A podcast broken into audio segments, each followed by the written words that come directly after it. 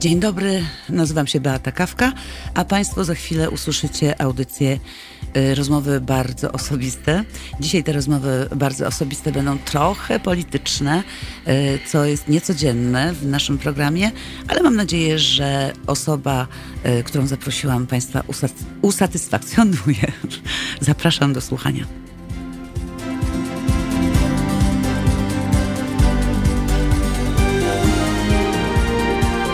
Halo Radio.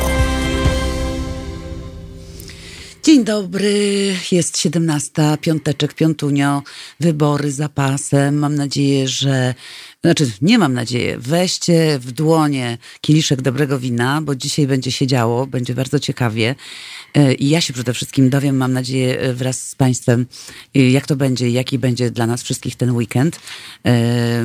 Bardzo proszę, żebyście Państwo też próbowali do nas dzwonić. Czekamy na, na telefony i na rozmowy, bo mam nadzieję, że będą bardzo gorące, jeśli wejdziemy w, w dialog z naszym gościem. Moim gościem i Państwa gościem jest Roman Mańka. Co ja tu mogę o Tobie, Romku, powiedzieć? Ty jesteś i politologiem. Socjologiem. Socjologiem. Potem jesteś... Ale filozofią polityki się zajmuję, także od polityki to. Od politologii to nie jest daleko do tego, że taką moją pasją życiową jest filozofia, w tym między innymi filozofia polityki, socjologia polityki, a więc tak naprawdę ukierunkowałem się w tą stronę. To ja powiem jako blondynka tak, że dla mnie to jest czarna magia, a ty jesteś wróżką, ponieważ ja, oczywiście to żart, e, Ktoś, ale... kto się zajmuje filozofią polityki i kto próbuje mm, diagnozować procesy polityczne, zawsze w jakimś zakresie jest y, wróżką, dlatego że zachowania społeczne, mimo że dzisiaj je próbuje się w dużej mierze kontrolować, i władza dąży do tego, żeby używać różnych narzędzi i kontrolować procesy społeczne, to one zawsze w dużej mierze są żywiołowe, spontaniczne i do końca, co jest takim moim zastrzeżeniem w tym programie, wszystkiego przewidzieć się nie da, aczkolwiek dzisiaj demoskopia bardzo mocno rozwinęła swoje instrumenty i wiele rzeczy w polityce potrafi przewidzieć, co dla demokracji jest problemem. No, ja Państwu y, tylko powiem, dlaczego Romek jest w programie. Ja zachwyciłam się i czytam go y, na Facebooku, y, na jego profilu Roman Mańka. Zachęcam Was bardzo, ponieważ Roman prognozuje właściwie naszą rzeczywistość i już od jakiegoś czasu bardzo dobrze prognozuje wybory prezydenckie i właściwie już od grudnia, jak ja Cię czytam, to, to tutaj właściwie i pierwszą i drugą turę przewidziałeś. Tak naprawdę ja- był ten moment przełomu, kiedy wszedł do gry Trzaskowski. Ja nie wiem, czy się z Państwem przywitałem do tego. Przepraszam, za to niedociągnięcie. Nie Trochę- dałam ci się. E, Trochę myślę, że tutaj też e, trema odegrała rolę. Nie tremuj się. Tak więc- Nasi słuchacze są cudowni. Zauważyłem, e, że są cudowni, bo miałem okazję słuchać, ale mimo to bardzo serdecznie witam się z Państwem i za ten nietakt e, przepraszam. Natomiast rzeczywiście poruszyłaś niesamowicie ważny problem, gdyż w Polsce mamy taką sytuację, że ludzie, którzy zajmują się polityką, e, którzy próbują oceniać procesy społeczne, e, zawsze robią to post factum. Natomiast sztuką jest e, próbować odważać się, stawiać analizy, prognozy, diagnozy, zanim jakiś fakt się em, pojawi. Ja oczywiście nie będę tutaj e, mówił, że mi się wszystko udaje przewidzieć, bo każdy zawsze może się pomylić i tu trzeba mieć zawsze do siebie trochę pokory i pamiętać o tym, co powiedział Sokrates. Wiem, że nic nie wiem i podobno ten jest najmądrzejszy, który wie, że nic nie wie, a najgorsi są ci, którzy nic nie wiedzą, a uważają, że, że, że wszystko wiedzą. No właśnie Natomiast- pan Marcin Matuzik tutaj pisze, ja też jestem politologiem i wiem, że suchy wynik to półprawda. Tak, e, ja przyjąłem inną postawę. Ja uważam, że nie wolno uciekać się do takiej poprawności i unikać weryfikacji własnej wiedzy, własnych kompetencji. Jeżeli ja przyjmuję jakąś prognozę, jeżeli stawiam diagnozy, to ja poddaję się e, weryfikacji. One mogą się sprawdzić, mogą się nie sprawdzić. No akurat e, w moim przypadku, jeżeli chodzi o wybory euro, do Europarlamentu, to one sprawdziły się, te, te prognozy, które postawiłem prawie dokładnie w wyborach do polskiego parlamentu z października poprzedniego roku, w wyborach do Sejmu również moja prognoza e, się to sprawdziła, pamiętam, także tak, mogę się tutaj e, pochwalić tym, bez fałszywej skromności. Ale powiedz mi, Romek, bo ty piszesz e, te, te prognozy, one mają, ta ostatnia miała 32 strony. Ja 34. nawet nie zdążyłam, szczerze powiedziawszy, 34, 34. strony. I piszesz, ja bym chciała, żebyśmy chociaż przez momencik dotknęli twojego geniuszu, bo, bo to jest tak rozpisane w taki sposób, że człowiek taki jak ja, to ja, wiesz, potrzebuję na to naprawdę dnia, żeby usiąść i wszystkie te teorie zebrać, to wszystko sobie y, poukładać w głowie. Y, bo ty mówisz y, o tym, bo co to się teraz dzieje? Teraz się dzieje, tak naprawdę jesteśmy, za chwilę zacznie się cisza wyborcza, nie będziemy mogli już nic powiedzieć. No jeszcze my będziemy mogli, do godziny 19 no wiadomo będziemy mogli powiedzieć coś. My od, tak, my od, jeszcze dzisiaj tak. Dlatego od właśnie, północy to wchodzi dlatego, w życie. Chociaż ja uważam, że to jest akurat, tu dotknęłaś e, mimochodem bardzo ważnego problemu. Cisza wyborcza jest dzisiaj absurdem. I ona jest bardzo często źle rozumiana w Polsce, o tego, mhm. że rozumie się w taki sposób, jak gdyby w ogóle nie można było o polityce rozmawiać. No to przyjmując taką definicję, to również w rodzinach, w sieciach społecznych, w rozmowach takich czysto sąsiedzkich nie moglibyśmy rozmawiać. Natomiast tu chodzi o co innego, że nie powinno być agitacji, takiej ostrej, natarczywej agitacji, mhm. ale to jest dzisiaj już stereotyp, bo ona się w dobie mediów elektronicznych, mediów społecznościowych i tak odbywa. Do tego też utrzymywanie ciszy wyborczej jest jednym z większych nonsensów, który ma miejsce w polskiej demokracji. Ja bym ją po prostu zlikwidował, bo i tak ona realnie nie istnieje i tak będziemy za chwilę widzieli na Facebooku czy tak. na Twitterze różne y, kryptoprognozy, tak, które tak. będą się w niedzielę pojawiały, że tak, tam ogórki, na rynkach, tam, dokładnie, tak, o, to, o to chodzi. Słuchaj, tak chciałam więc... dotknąć takiego, y, y, takiej rzeczy. Moja córka dzisiaj wpisała na Facebooku, e, nagrała jakiś samochód, który jeździł po, po Warszawie. Mm, to właśnie dosłownie pięć minut temu usłyszałam pod moim domem, pod moim oknem na Mokotowie. Jeździ samochód, który głosi takie hasła. Dzieci adoptowane przez osoby LGBT są przez nie molestowane. Ideologia LGBT nie ma granic. Edukacja seksualna w szkołach uzależnia dzieci od masturbacji. Czy to jest jakiś koszmar? Pyta moja córka. Czy to się dzieje naprawdę? Czy naprawdę chcemy żyć w takim kraju i wciąż powtarzać, jakoś to będzie? To jest powód, dla którego wszyscy powinniśmy iść na wybory w niedzielę niedzielę. Szkoda, że nie nagrałam tego więcej. Naprawdę szkoda. Ja ten samochód też słyszałam. Powiedz mi, Robek, czy oni zwariowali? Bo zrobienie to czegoś takiego... Naj, najgorsze jest to, że właśnie nie zwariowali, że to jest y, to, co robią, to wynika z dwóch takich bardzo negatywnych w polityce mm, e, założeń, mhm. które już dawno zostały zdiagnozowane i opisane. E, między innymi był taki amerykański polityk John Rawls, który w teorii sprawiedliwości o tym pisał. Y, i krytykował bardzo mocno utylitaryzm. Jedną z rzeczy, która psuje politykę i psuje demokrację, jest utylitaryzm, czyli pojęcie użytecznościowe do polityki. Popieramy to, czy stosujemy to, co jest użyteczne, co przynosi korzyść, co jest e, Ale to takim im złym. przyniesie korzyść? W sensie wyborczym e, zakładają, że tak. Ja uważam, że im nie przyniesie akurat w tym momencie. No mi się też wydaje. Na zdrowy... Ja uważam nawet, że to, że przyniosła im w wyborach do Europarlamentu, bo wyjaśnijmy skąd to się wzięło.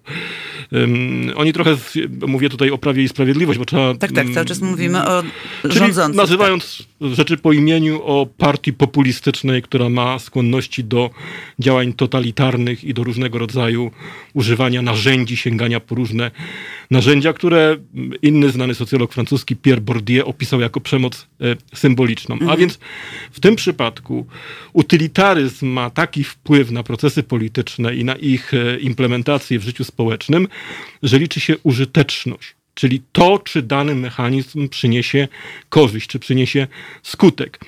Idąc tutaj dalej, wchodząc w taki aspekt moralny, nie liczy się człowiek, nie liczą się prawa człowieka, tylko liczy się preferencja, trend. Chodzi o to, żeby wzmocnić trend, aby wywołać trend. I teraz Prawo i Sprawiedliwość. No wywołało ten trend, no bo uznało, LGBT jest ja uważam, na że, od... Ja uważam, że oni wprowadzili temat LGBT do debaty i e, próbują odhumanizować e, to środowisko. Ale po co? po to właśnie, żeby przyniosło to im polityczną korzyść. Że inni żeby, będą się... Po to, żeby zyskać użyteczność. Właśnie o tym mówię, o utylitaryzmie. To jest właśnie zastosowanie utylitaryzmu w polityce, który też po części wiąże się z racjonalizmem, czyli z racjonalizmem źle pojętym, oderwanym od moralności.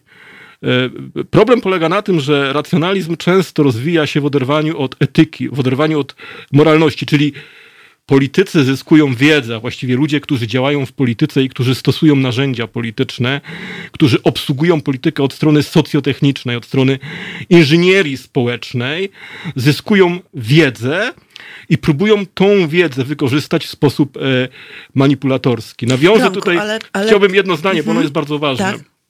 Jakiś czas temu e, znany francuski filozof e, Michel Foucault e, napisał książkę Słowa i Rzeczy, gdzie postawił diagnozę śmierci człowieka. I wiele osób, które nie czytało tej książki, nie zrozumiało, o co chodzi z tą śmiercią człowieka, co on mhm. miał na myśli. Ale jak się wczytamy w Słowa i Rzeczy, w treść tej książki, to uzyskamy odpowiedź, e, że e, Foucault postawił diagnozę, iż rozwój nauk e, humanistycznych, socjologii, psychologii doprowadzi do redukcji jej obiektu, czyli redukcji człowieka, człowieka. bo wiedza może być wykorzystana w dobrej intencji, w dobrych celach, ale może być również wykorzystana w złej intencji, w złych celach. I tu mamy przykład zaprzągnięcia. To, co robi PiS i czego często ludzie nie rozumieją, a co trzeba wytłumaczyć, to bardzo mocne zaprzągnięcie demoskopii, inżynierii społecznej do badań, e, do polityki, infiltracja ludzi na bardzo niskim, zindywidualizowanym poziomie, przeprowadzanie badań, w jaki sposób manipulować ludźmi, e, o czym mówić, w jaki sposób ich przeciągać, w jaki sposób zdobywać głosy, w jaki sposób wywoływać negatywne emocje, napuszczać jedną grupę na drugą, w jaki sposób dehumanizować, bo jedną z metod dzisiaj w polityce jest dehumanizacja. Wszystko po to, żeby uzyskać efekt. I teraz oni założyli, że powstało wrażenie, iż w wyborach do Parlamentu Europejskiego wywołanie tematu LGBT Pomogło wpłynęło im. na ich tak. dobry wynik. Mhm. I teraz powtórzenie tego w ich założeniach, cały czas tłumaczę, w ich myśleniu, uznali, że powtórzenie tego będzie wywoła ten sam efekt. Natomiast aż to nie nagle, jest takie proste. Nie? Aż tu nagle okazuje się, że są protesty. Tak, są protesty, dlatego że mm, to trzeba by było wejść jeszcze... I co niektórzy wyszli na durniów. Tak, ja myślę, że ta polityka w ogóle się nie sprawdziła i ono przyniesie skutki przeciwne od tych, którzy autorzy tych działań ym, zakładali. I y, mimochodem, nieświadomie i w sposób niezamierzony PiS zrobił środowiskom LGBT przysługę, bo w tej chwili się o nich e, mówi. I się tłumaczy. W tej chwili się tłumaczy, w tej chwili jest edukacja, w tej chwili rośnie świadomość i w tej chwili ja nawet spotykam, bo często wyjeżdżam na wieś i rozmawiam z ludźmi, ja spotykam w środowiskach e, dość Wiejskich, konserwatywnych, tak. czy mhm. bardzo konserwatywnych, e, zainteresowanie tym tematem, recepcję tego tematu i zauważam empatię, że pojawiło się współczucie wobec tych ludzi, bo oni zostali bardzo perfidnie to trzeba nazwać w sposób otwarty i y, po imieniu, żeby tutaj słuchacze mieli jasność, moje poglądy są centroprawicowe. Wywodzę się też z konserwatywnej rodziny, chociaż odeszłem trochę w stronę centrum, w stronę liberalną, ale, ale chcę jasno powiedzieć, że ta akcja przeciwko środowisku LGBT była obrzydliwa, bo akcja przeciwko jakimkolwiek mniejszościom, jest obrzydliwa, dlatego że tych ludzi nie można traktować na równi z heteroseksualistami. E, oni e, eksponują pewne swoje problemy jako mniejszość, protestują jako mniejszość, wychodzą na ulicę, dlatego że walczą o swoje prawa. E, Słuchacz pyta, może odpowiesz. Czy popieranie takiego kandydata to nie jest jakiś podtyp, odmiana, forma syndromu sztokholmskiego? Kandydata PiSu? Tak. Y, no, w polityce jest dużo y, syndromu y, sztokholmskiego. Ja bym wolał tutaj operować tym pojęciem, które swego czasu sformułowała Hannah Arendt, a więc banalnego zła. I ona to na podstawie swoich doświadczeń z czasów III Rzeszy w Niemczech faszystowskich opisywała banalne zło i z obserwacji procesu jednego z tych osób, które kierowały całą machiną eksterminacji Żydów i nazwała to Edelmana, nazwała to Adolfa Edelmana, nazwała to banalnym złem. I o co w tym chodzi? Tu nie chodzi o to, że zło jest niewielkie, bo zło, które tego rodzaju rządy jak PiS wywołują, jest olbrzymie. To jest zło, które wprowadza nienawiść w stosunki społeczne, które wprowadza kategorię gorszych ludzi, Jarosław Kaczyński powiedział o tym wprost, gorszego sortu, które uprzedmiotawia, urzeczawia ludzi. E, także mamy do czynienia Tomek, zawsze ze złem wielkim, mi, ale chodzi o ale motywy. motywy. Motywy są banalne właśnie często. Właśnie po co? To znaczy co? E, Ego? Władza, żeby ją mieć? Władza. Utrzymanie władzy. Z władzą zawsze wiąże się korzyść. E, władza zawsze daje prestiż. Mm. Chodzi też o redystrybucję tego prestiżu, o to, żeby ten prestiż posiadać. Ten, y, y, biedny pan z kotem, jaką ma korzyść? Y, to jest człowiek, moim zdaniem, ja tu nie chcę psychologizować, bym posunął się e, za daleko w tym, ale tak obserwując Jarosława Kaczyńskiego od wielu lat, to jest człowiek, który ma w sobie, nazwałbym to, coś w rodzaju manii władzy. Czy dla niego władza ważniejsza jest od wszystkiego. On dla władzy zrobiłby wszystko. Chęć, chęć, dla niego nie są ważne pieniądze, nie jest ważna rodzina. No nikogo nie, nie, nie są ważne jakieś inne, znaczenia. jakieś inne wartości tylko ważna jest y, władza, dzierżenie władzy i stosuje tą władzę jeszcze w takim wydaniu e, wziętym prosto ze starożytnego Rzymu, czyli dividi et impera, a więc dziel i rządź dobra władza to jest taka, jak właśnie Hannah Arendt diagnozowała, czyli oparta na działaniach. Władza, która e, wprowadza pluralizm do debaty publicznej i która dba o pluralność różnych grup, która szanuje mniejszości, która rozbudowuje przestrzeń publiczną i wzmacnia przestrzeń publiczną, która łączy. Dobra władza powinna mieć hasło łącz i rządź. Mhm. Natomiast źle pojęta władza, ale to niestety bierze się ze starożytnego Rzymu i trochę później e, Machiavelli też tą teorię rozbudował. Źle pojęta władza, ale użyteczna i często skuteczna, to trzeba powiedzieć, często w mhm. takim pragmatycznym sensie sprawna, odwołuje się właśnie do hasła dividi et impera, a więc dzieli rządź. Jarosław Kaczyński, jak prześledzi się jego biografię, to przecież nie jest trudno. On jest w polityce od e, lat, od początku lat 90. Jeszcze w latach 80. tam działał w Solidarności, ale jego rola była marginalna. Większą e, rolę wtedy pełnił jego brat Lech Kaczyński. Natomiast Jarosław Kaczyński jest bardzo aktywnie, bardzo mocno obecny od początku lat 90., kiedy założył Porozumienie Centrum jeszcze wcześniej wszedł do kancelarii prezydenta Wałęsy. Jak prześledzimy jego drogę polityczną, tam cały czas było dzielenie.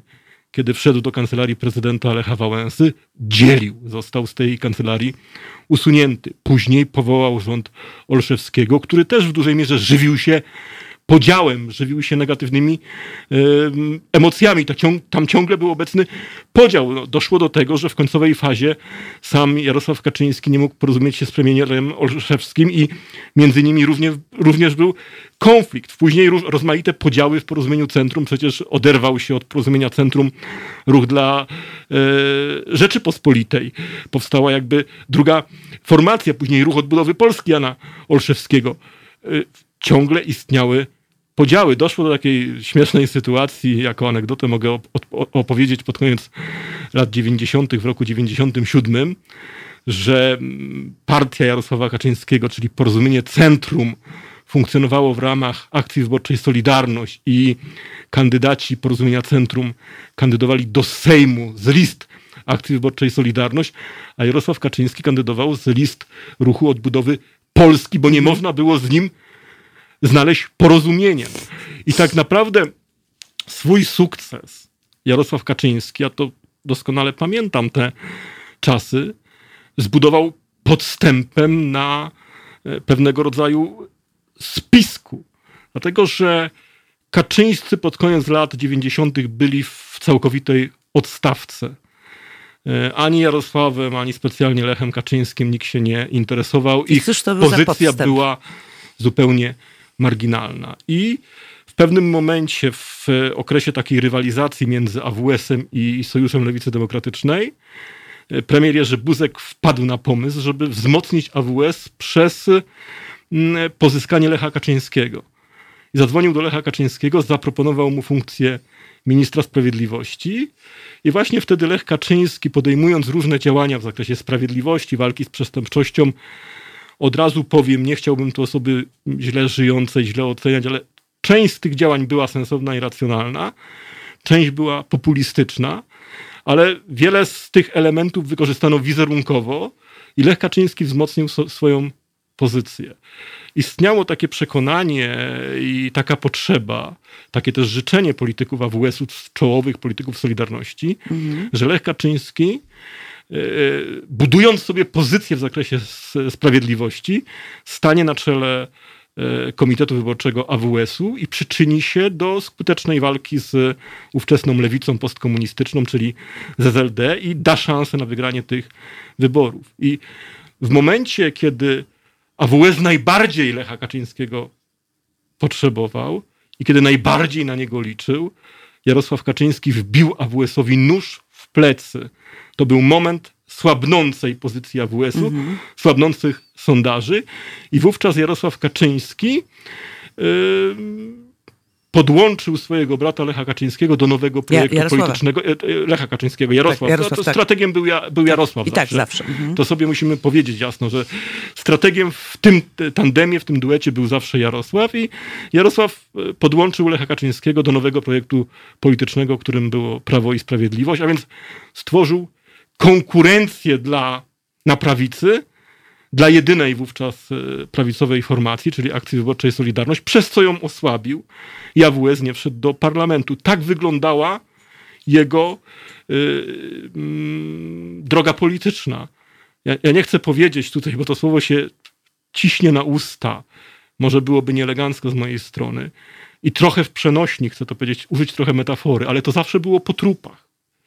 W tym przypadku mieliśmy trupa politycznego i mówię w sensie organizacyjnym, w sensie formacji. Powstało Prawo i Sprawiedliwość. Tak, powiedziałeś coś, co a, my wszyscy wiemy, że to było a, po trupach. A umarł, a umarł AWS. I dalsza droga Jarosława Kaczyńskiego to są również podziały. Przecież można wyliczać dzisiaj osoby, które kiedyś były w Prawie i Sprawiedliwość, a dzisiaj ich tam nie ma. No, Michał Kamiński napisał kiedyś mm, książkę Koniec PiSu a swego czasu, na początku lat 2000 to był jeden z głównych strategów PiSu, nazywany spin doktorem. Już dzisiaj mało kto pamięta, że taki znany i wpływowy, prominentny polityk mm, Platformy Obywatelskiej jak Paweł Zalewski, to był kiedyś wiceprezes Prawa i Sprawiedliwości. Mało kto pamięta, że sztandarową, mainstreamową postacią w Prawie i Sprawiedliwości był Kazimierz e, Michał Ujazdowski, który w ostatnich wyborach e, został senatorem z listy Koalicji Obywatelskiej.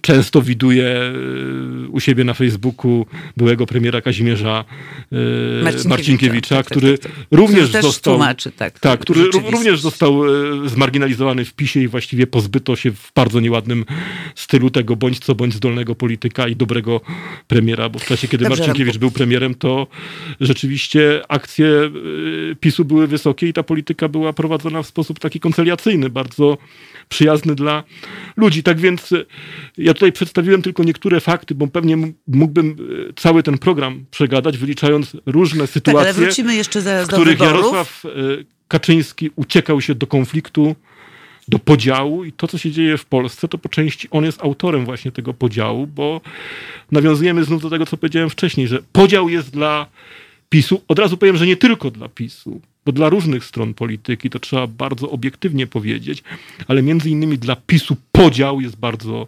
użyteczny i bardzo korzystny. Dobrze, stawiamy kropeczkę, bo musimy zrobić krótką przerwę, że mówiliśmy już 20, prawie 4 minuty non-stop.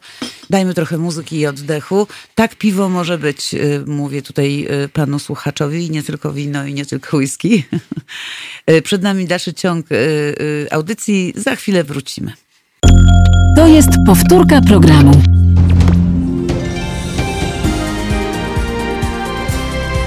Halo Radio. No i wróciliśmy. Y, wróciliśmy. Ja przypominam Państwu, że możecie Państwo dzwonić, jeżeli macie, y, y, macie taką ochotę. Moim gościem i Państwa gościem jest Roman Mańka. Który, Witam Państwa ponownie, miło mi. Tak. Pan Piotr Strychalski pisze, przyznaję, że z wielką ciekawością słucham gościa, pewnych mechanizmów nie rozumiałem, a teraz to układa się w, w ciekawy schemat. A wystarczyłoby pokazać jasne zdanie. Chłopaki z PO-PiSu obstrałyby się z niepewności. No nie wiem, zaraz o tym porozmawiamy. E, ja tylko Państwu powiem, że możecie dzwonić pod numer 22 39 059 22 i przede wszystkim komentujcie, bo z tego też będziemy korzystać. E, mamy gościa specjalistę, który nam może odpowiedzieć na wiele mm, niejasności. E, ja sama bardzo dużo uczę się z jego wpisów na Facebooku. Szkoda, że nie prowadzisz bloga, bo tak naprawdę... Bardzo mi miło, no czuję się nawet tutaj, bym powiedział, jak to zawsze Zygmunt Freud powtarzał, że człowiek przed atakami może się bronić, ale wobec komplementów jest bezbronny. To nie jest komplement, wiesz, ja zawsze tak mówię prawdę. Jest mi bardzo miło i jeżeli prawdę, to tym bardziej jest mi miło, bardzo się cieszę. Zachęcam Państwa do wspierania. Ja to robię dla ludzi, żeby była jasność, bo mm, widzę... No właśnie, bo to z tego nie masz pieniędzy. Nie, ale Wie pani, ja się swoją działalnością. na ty. Y, tak, y, ja, ja, działam w ramach Fundacji Fibre i żyć z czego mam, tak, tak się wypowiem. Natomiast w swojej działalności widzę potrzebę zwiększania socjalizacji społecznej, czyli mówiąc między nami świadomości ludzi, bo nie będzie nigdy dobrej demokracji, bez wysokiej świadomości społecznej i wiele problemów, które dzisiaj ma miejsce w Polsce, nie tylko w Polsce, bo demokracja choruje w wielu miejscach na świecie, to sobie trzeba powiedzieć. Pewne rzeczy już zostały dawno przez y, politologię, filozofię polityki opisane. Musiałbym tutaj głęboko wchodzić.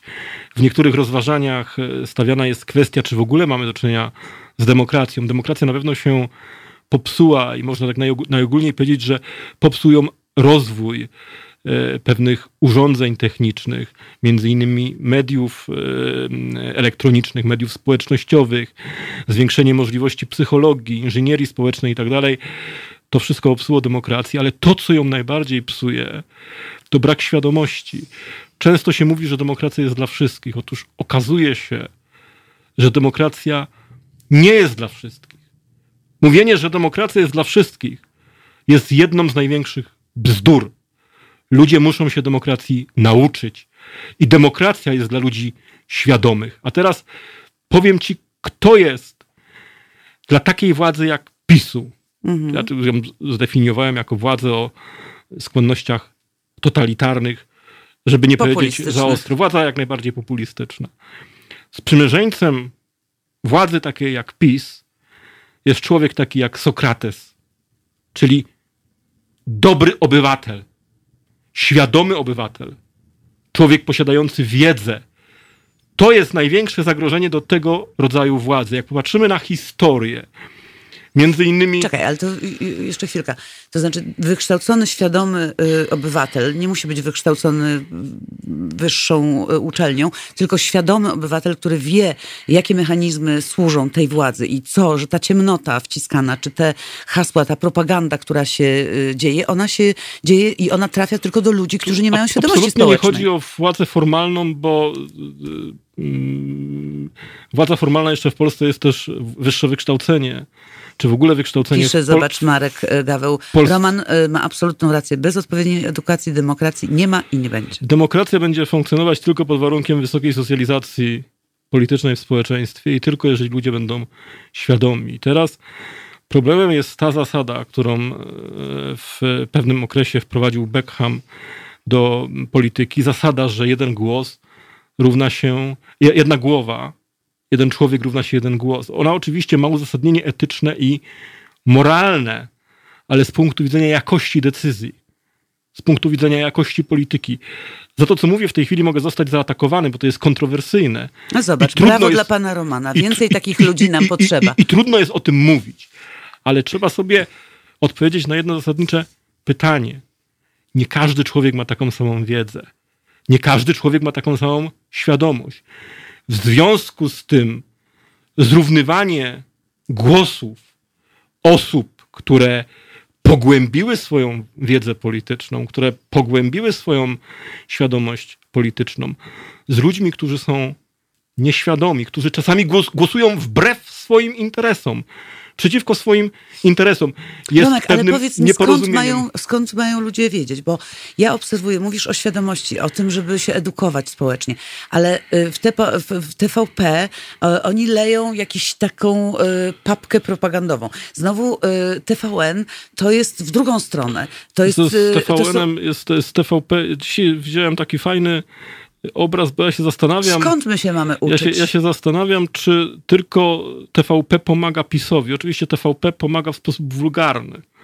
W sposób bardzo zwulgaryzowany, w sposób Ale prymitywny. TVN też pomaga, dlatego że te I- pytania stawiane, kropki, y, to przerywanie, ta agresja, zamiast Właśnie- tłumaczyć spokojnie, tak jak my to dzisiaj robimy, zamiast uświadamiać, za chwilę właśnie chcę cię zapytać, y, bo już musimy przejść do wyborów, bo nie zdążymy, a potem będzie cisza wyborcza, a jeszcze na pewno się spotkamy, bo bądźcie państwo pewni, że ja już się namówiłam z Romkiem na audycję przed drugą turą, bo myślę, że też musimy wiedzieć, gdzie idziemy, po co idziemy i na co 10 głosujemy. 10 10 lipca, to pamiętałem. Tak, będziemy, będziemy. Yy, yy, ja yy, bym chciała cię zapytać, jak to, yy, yy, jak to, jak, jak to będzie? No bo do, do pewnego momentu wiadomo było, że Andrzej Duda prowadzi. Yy, był nawet chyba pewny siebie, a potem się nagle wszystko skomplikowało. Naszła, nadeszła pandemia. Powiedzieli, że nie pandemia obali PiS. Nie, nie, bo to, to, to była bzdura twierdzenia różnych politologów, socjologów, pseudoekspertów, że Andrzej Duda może wygrać w pierwszej turze. Nigdy nie było takich szans w perspektywie ostatnich pięciu lat. Naprawdę? Od momentu, kiedy Andrzej Duda... Wszyscy trąbili, że ma Nigdy, wygraną. Żeby Andrzej, to ja zaraz odpowiem, E, żeby Andrzej Duda mógł wygrać w pierwszej turze, musiałby osiągnąć ponad 9 milionów głosów. E, To jest niemożliwe. Kandydat PiSu w wyborach, patrzymy na historię, nigdy nie uzyskał więcej niż 8 milionów e, głosów i partia polityczna też, mówię tu o liczbach bezwzględnych, bo procenty to jest jedno, ale one nie, one nie wszystko wyrażają. Jeszcze trzeba patrzeć na liczby, na liczby bezwzględne. A więc jak patrzymy na liczby bez, bezwzględne, to mm, e, e, Lech Kaczyński w roku 2005 e, uzyskał 8 milionów z haczykiem. E, przy frekwencji, która chyba wyniosła 50% wtedy. E, Andrzej Duda w roku 2015 uzyskał mm, również ponad 8 milionów, a więc 9 milionów kandydat PiSu nie zdobył nigdy. Te wyniki, które podałem, one padły w drugiej turze. Trudniej A w jest... ogóle ktoś zdobył 9 milionów głosów? Kwaśniewski, e, zdaje się. W pierwszej turze, w- tak, w 2000 roku Kwaśniewski, gdy wygrał, zdobył ponad 9 milionów i to dało mu zwycięstwo w pierwszej turze. A w drugiej, a w drugim, w pozostałych wyborach kadencji? nigdy żaden z kandydatów nie zdobył mm, 9 milionów głosów, ale ja powiem, tutaj mamy do czynienia jeszcze z, z czym innym, dlatego że w Polsce po 2005 roku wytworzył się dialektyczny układ, czyli można powiedzieć układ przeciwieństw, yy, oparty na pewnej animozji, PO na negatywnych PiS. emocjach, tak, PO-PiS. I e, na ten układ nałożył się podział kulturowy. Widzimy go bardzo dokładnie. Jedna strona jest definiowana jako bardziej konserwatywna, druga strona jako bardziej liberalna. A na to, co ciekawe, a o tym już nie wszyscy wiedzą, nałożył się podział klasowy, czyli ludzie bardziej zamożni, ludzie, czy ludzie, którzy sobie lepiej poradzili w transformacji, e, ludzie lepiej wykształceni również popierają stronę liberalną, czyli Platformę Obywatelską. Ludzie, którzy gorzej sobie poradzili, e, popierają Prawo i Sprawiedliwość. I teraz na to się jeszcze nałożył podział, jak go nazywam, przestrzenny. Jego można również określić jako wertykalny, pionowy, czyli podział w uproszczeniu pewnym go zdefiniuje. Prowincja i z drugiej strony sfera miejska, czy sfera metropolitarna. I teraz, jeżeli rozpatrujemy wyniki wyborcze w tych kategoriach, to musimy pamiętać, że wszelkie zwycięstwa PiSu y, zachodziły pod warunkiem bardzo wysokiej determinacji, solidarności głosowania na tą partię w przestrzeni prowincji, a mówiąc jeszcze dokładniej, w przestrzeni typowej wsi, bo wieś też nie jest wsi równa i możemy wyróżnić pewne osady, które mają cechy miejskości i podlegają procesom umiastowienia, które kiedyś opisał hiszpański socjolog Manuel Castells, nie będę w to wchodził, i możemy wyróżnić wieś typową, ortodoksyjną. I teraz e, PiS wygrywał wybory zawsze uzyskując świetne wyniki e, w ramach przestrzeni miejskiej.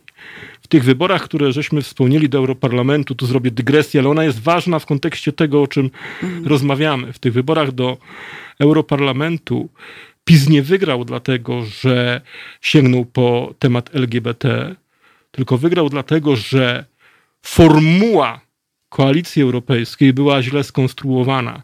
Konfiguracja tej formacji była zła, dlatego że tam włączono ugrupowania, które do siebie nie pasowały. Ugrupowania, które można kolokwialnie powiedzieć, gryzły się. To była formacja niespójna i doszło do tego, że PSL, mimo że partycypował w tej formule, w tej organizacji i elity PSL-u, działacze PSL-u kandydowali z listy Koalicji Europejskiej, to jak ja to napisałem jeszcze przed wyborami do Parlamentu Europejskiego, nie poszedł za tym lud. Poszły elity ludowe, elity PSL-owskie, ale wyborca wiejski nie poszedł.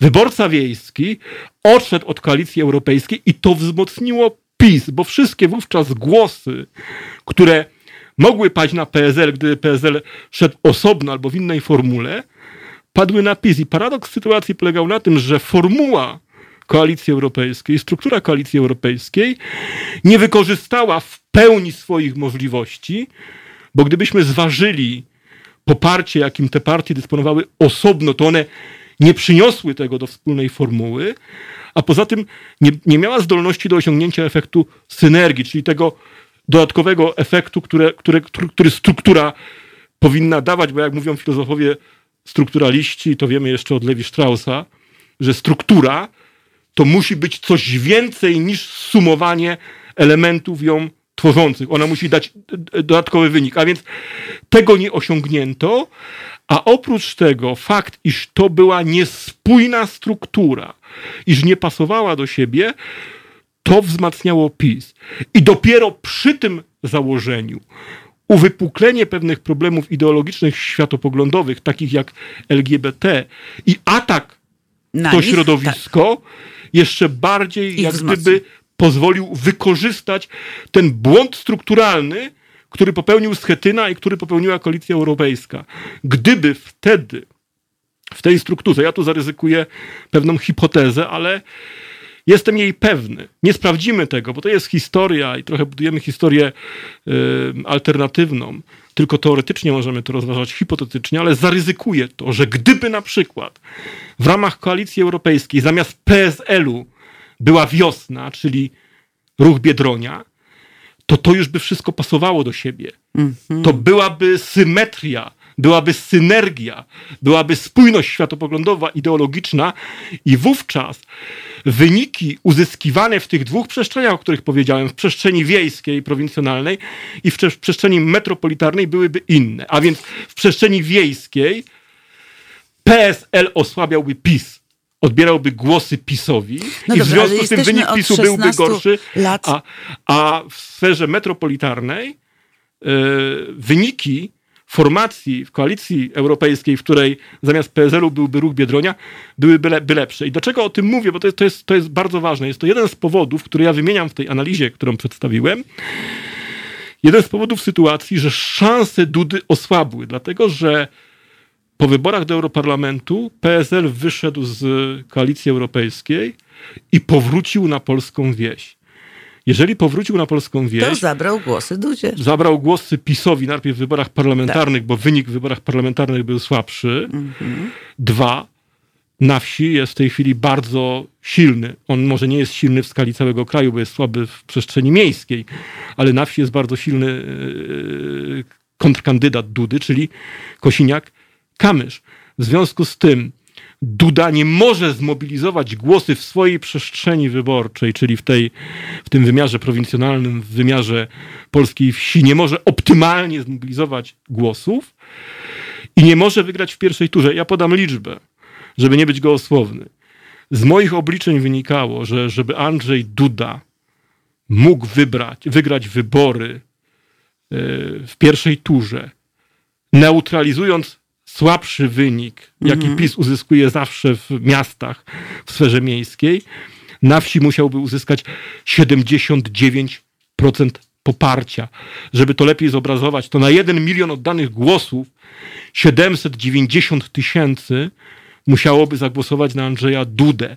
Żeby jeszcze lepiej to wyrazić, to na dziesięciu głosujących wyborców wiejskich, ośmiu, bo przecież nie podzielimy tej jednej osoby, 79%, prawda, to jest ośmiu wyborców. Ośmiu wyborców musiałoby zagłosować na Andrzeja Dudę.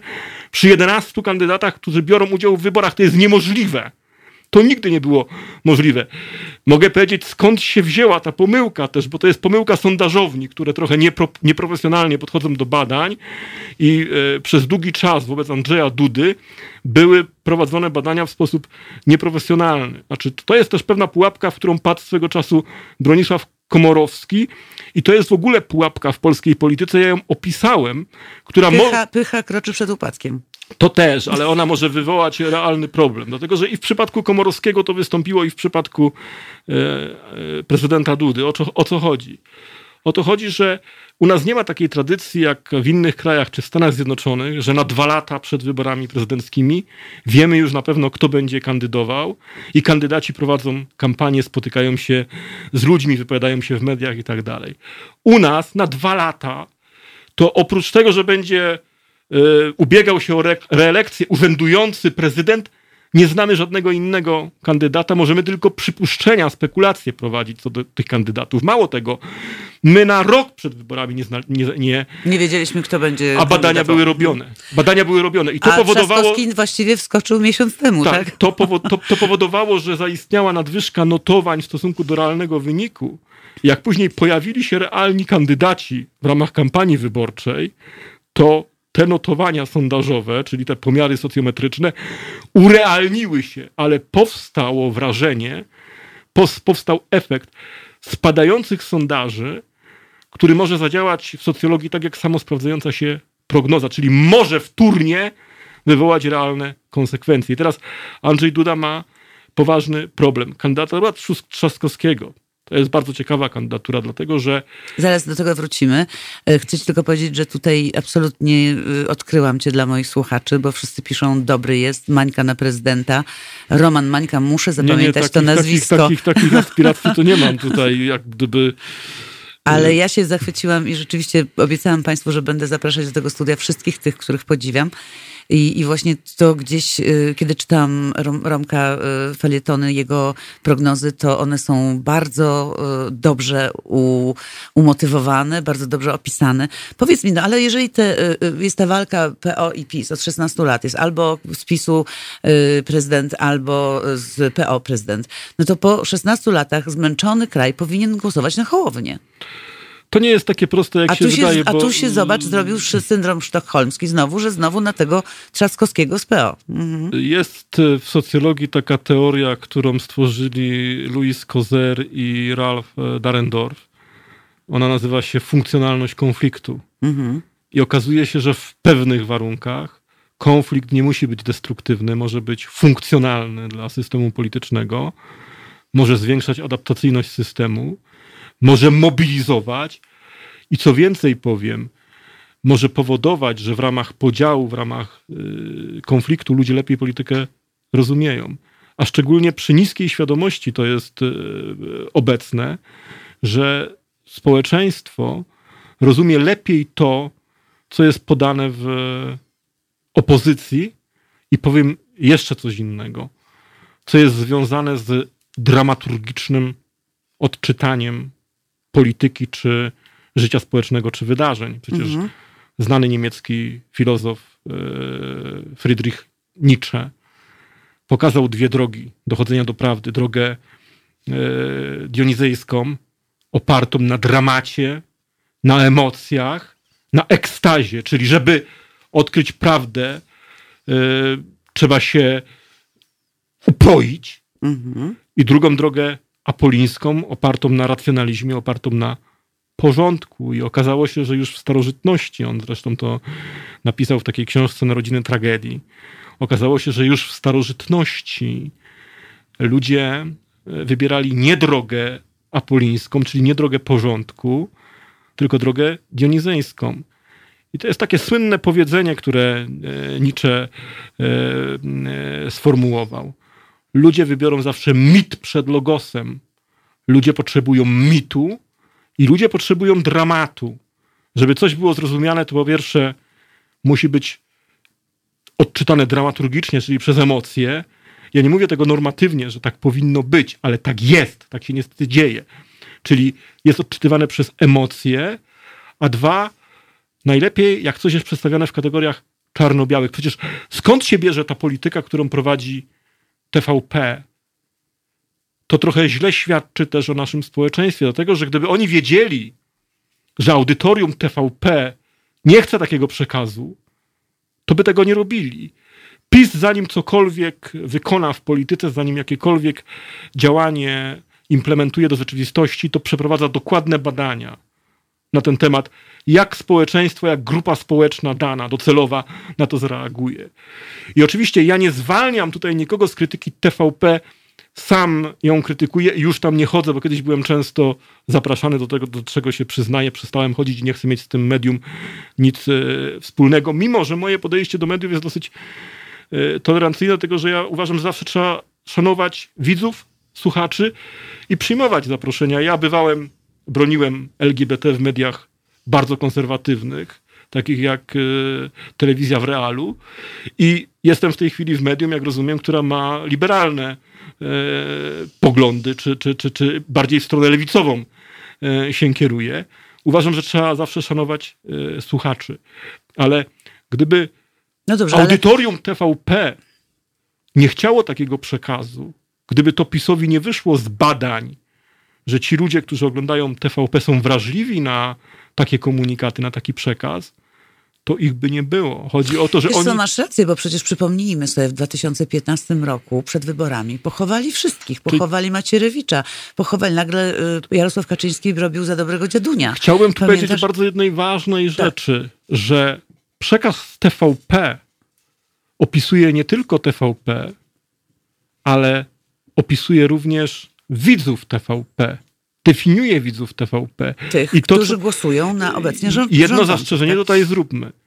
To mówię analitycznie, w formie diagnozy. Ja nie zamierzam tych ludzi w żaden sposób yy, obrazić. Ja, ja, ja, każdy człowiek zasługuje na szacunek, ale ten przekaz definiuje tych ludzi. Po prostu do nich te treści trafiają. I to nam świetnie koresponduje z tym, co powiedział nie kto inny, tylko kiedyś prezes TVP, a obecnie chyba tam szara eminencja w zarządzie, no. Jacek Kurski, który sięgnął Ciemny po... lud wszystko kupi. O właśnie, powiedziałaś to za mnie. Ciemny lud wszystko kupi i oni tak naprawdę, ludzie, którzy oglądają TVP, nie zdają sobie sprawy z jednej fundamentalnej i głęboko moralnej sprawy, że tym, te, tym przekazem PiS ich obraża. Tym przekazem TVP mówi między wierszami, mówi mimochodem, wy jesteście głupcami, wy nie rozumiecie polityki, wy jesteście nieświadomi, wy jesteście niewykształceni, dlatego wam można powiedzieć wszystko. Wam można kolokwialnie mówiąc wcisnąć każdy kit. I to przyjmiecie. Czyli przez ten przekaz w telewizji publicznej przewija się brak szacunku wobec tych ludzi. Ale Niejednokrotnie opozycja najgorsze powinna, jest to, posłuchaj, to opozycja powinna teraz wykombinować i zrobić swoje badania, ilu ich jest, tych, którzy, którzy oglądają TVP, czyli tych wyborców i spokojnie zrobić swój plan, prawda? Jest... A oni wystawili Kidawę Błońską, czyli nie, wy, nie wyciągnęli wniosków żadnych. E, Kidawa Błońska właśnie to jest dobry przykład, że sięgnęliśmy po, po, po Kidawę Błońską. Y, oszacowanie audytorium TVP nie jest takie proste, dlatego że część ludzi jest skazanych na tą telewizję. Bo innej nie ma. Y, bo innej nie mhm. posiada. Jak y, przeniesiemy się na poziom małych miast, wsi, tam część ludzi zdaje sobie sprawę, że to jest propaganda, że to jest oparte na uproszczeniach, na daleko, daleko idących generalizacjach, na kłamstwie, ale nie ma innego wyboru, dlatego że nadawcy komercyjni i TVN24 i Polsat News nie są dostępni. Po prostu są są tylko przez e, satelitę można ich e, oglądać. TVN jeszcze poograniczał dostępność w internecie gdzieś tak od czasu wyborów parlamentarnych, a więc nie ma alternatywnych mediów i nawet jeżeli istnieje świadomość, że to jest propaganda, to czasami pewne rzeczy można przemycić do świadomości w sposób przez ludzi niezauważany. Oni mogą się nie zorientować, że są manipulowani albo że pewne informacje mają e, wywołać, mają na celu wywołanie pewnego skutku. Jeżeli chodzi o Kidawę Błońską, to tutaj wystąpił jeden problem, o którym żeśmy już rozmawiali. Okazało się, że kiedy e, Koalicja Obywatelska sięgnęła po kandydata kompromisowego, kandydata, który zawsze mówił nie o pojednaniu, o ma... budowaniu zgody. Okazało się, że nie ma dramatu. Nie ma Ona emocji. nie wywołała emocji, nie wywołała podziału. Okazało się, że to nie działa. I co ciekawe, to było szkodliwe dla obydwu ugrupowań. Również PiS, przecież gdyby PiS się nie zgodził na zmianę kandydata, gdyby oni swoją większością sejmową nie poparli ustawy, która zmieniała warunki wyborczej gry, podczas gry, co trzeba powiedzieć yy, uczciwie, ja, ja to będę krytykował, dlatego że taka sytuacja zdarzyła się w historii tylko raz podczas wyborów yy, kontraktowych w 1989 roku, które są w Polsce często dobrze postrzegane. Tam pomiędzy pierwszą turą a drugą, bo w tych wyborach parlamentarnych, o czym mało kto wie, były dwie tury. Jak społeczeństwo odrzuciło listę krajową, czyli wszystkich tych komunistycznych dygnitarzy, to wbrew zasadom strona solidarnościowa zgodziła się na przeniesienie ich do okręgów. Oni mogli ponownie startować, tylko że nie z listy krajowej, a e, w okręgach. A więc wtedy zmieniono warunki gry podczas gry. I dzisiaj mamy do czynienia z powrotem. To jest rzecz bez precedensu. Nienotowana w demokracjach rozwiniętych, że w trakcie trwania procesu wyborczego zmienia, zmienia się, się warunki gry i zmienia się prawa. Ale gdyby, tu chcę zwrócić uwagę na tą bardzo ważną rzecz, że gdyby kandydatura Małgorzaty Kidawy-Błońskiej nie była szkodliwa dla PiSu, to on by się nie zgodził na zmianę. Nie przewidział tylko tego, że Koalicja Obywatelska zgłosi tak dobrego kandydata jak Trzaskowski, ale zwróćmy uwagę na to. Nie przewidział, jesteś pewien? Y, Bo pisze się, że, że mówiono. Y, ja myślę, że Rafała bardzo... Trzaskowskiego nie doceniono. Okay. I ja pamiętam, jak słyszałem wypowiedź cenionego skądinąd analityka polskiej polityki, profesora Dudka, który powiedział z taką trochę lekcewagą, że na Trzaskowskiego być może zagłosują w Warszawie i nigdzie więcej. Natomiast dla mnie nie ulegało wątpliwości, to są na to dowody, bo na początku, jak tylko jeszcze Trzaskowski nie był oficjalnie zgłoszony, to pisałem, że to jest bardzo dobra kandydatura, dlatego że on ma w sobie kilka cech i tu odpowiemy sobie na to, czym jest dobry kandydat, bo często mówimy o różnych kandydatach, a umyka nam z horyzontu pytanie, co to znaczy dobry kandydat. Otóż odpowiedź jest bardzo prosta. Dobry kandydat to taki, który mobilizuje wyborców ponad kapitał, który daje mu struktura polityczna wystawiająca go w wyborach. A więc który wywołuje efekt synergii, który osobą swoją, jakością swoją, merytorycznością swoją, aparycją, znajomością języków dodaje efekt, który ale czy to nie było tak kapitał. samo z Dudą pięć lat temu, że on też tym swoim kapitałem, tym powiewem świeżości... Zaskoczę cię, ale nie. Mhm. Jak popatrzymy na Andrzeja Dudę, to jego wynik z 2015 e, roku, z pierwszej tury, bo ona jest reprezentatywna dla oceny, jak wypada kandydat w korespondencji do struktury politycznej, która go wystawia. A więc on osiągnął gorszy wynik niż Jarosław Kaczyński w roku 2010. W pierwszej turze w 2010 roku Jarosław Kaczyński miał lepszy wynik, czyli lepiej mobilizował wyborców od Andrzeja Dudy. I Duda w pierwszej turze osiągnął gorszy wynik niż pół roku później jego partia w wyborach parlamentarnych. Duda dostał w, pierwszej turze wyborów prezydenckich 5 lat temu 34%, a jego partia pół roku później 38%, 4 e, procent więcej. Ale na, na czym polegał fenomen Dudy 5 lat temu, który nie zadziała dzisiaj? On polegał na tym, że Duda był dobrym kandydatem na drugą turę. On nie był dobrym kandydatem na mobilizację yy, wyborców w pierwszej turze, ale on nie straszył w drugiej turze. Tak, a poza to, tym temu rozleniwionemu naszemu prezydentowi Komorowskiemu to, to był jego, jego atutem było to, że on demobilizował liberalny, lewicowy elektorat. Też trzeba pamiętać, że wówczas czas Platforma Obywatelska miała za sobą 8 lat rządów. W, zrozumiały sposób zużywała się jako formacja No tak. polityczna w ramach tych, w ramach sprawowania władzy i przeszła przez wiele problemów, raf politycznych, kłopotów, które obniżały No, które jej normalnie kapitał polityczny, które ją Przechodzi, ją bo ta zużyły. władza też właśnie A przechodzi. więc to demobilizowało elektorat liberalny, centrowy, centroprawicowy, lewicowy. A dwa, tutaj jest- z Dudą nie wiązały się negatywne emocje. Ale, ale chcę sko- skończyć myśl, bo to, to, jest, to jest ważne. Mhm. I za chwilę oddam głos. To, co było pięć lat temu, dzisiaj nie funkcjonuje, dlatego że błędem PiS, zasadniczym, kardynalnym błędem, jaki popełnił Jarosław Kaczyński, było, jak to się dzisiaj mówi kolokwialnie, przyspawanie Andrzeja Dudy do partii. Uznano, że Andrzej Duda będzie najlepiej funkcjonował wtedy, kiedy będzie łączony z partią, kiedy będzie utożsamiany z partią. Okazało się, że w przypadku prezydenta ta zasada nie działa. Prezydent musi rozszerzać elektorat, musi e, adresować swój przekaz do większej ilości środowisk, musi łączyć, tak jak robił to wspomniany już Aleksander Kwaśniewski. Kwaśniewski wyszedł poza formułę SLD. Były momenty, że potrafił się przeciwstawić SLD, potrafił konkretne ustawy zgłaszane przez SLD w Sejmie wetować, a z drugiej strony wspierać czy podpisywać ustawy, które wtedy rząd pisowski e, uchwalał. Słuchaj, I to zdecydowało, że wygrał w pierwszej turze. Tu słuchacze piszą, panie Romanie, bardzo proszę o kolejne wizyty także u innych prowadzących, bo przekaz jest tak klarowny i ciekawy, że warto oglądać z różnych stron.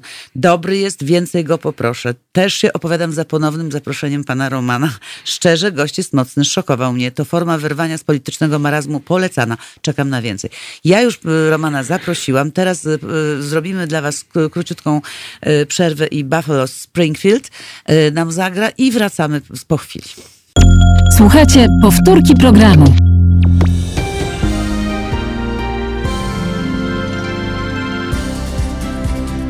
Halo Radio.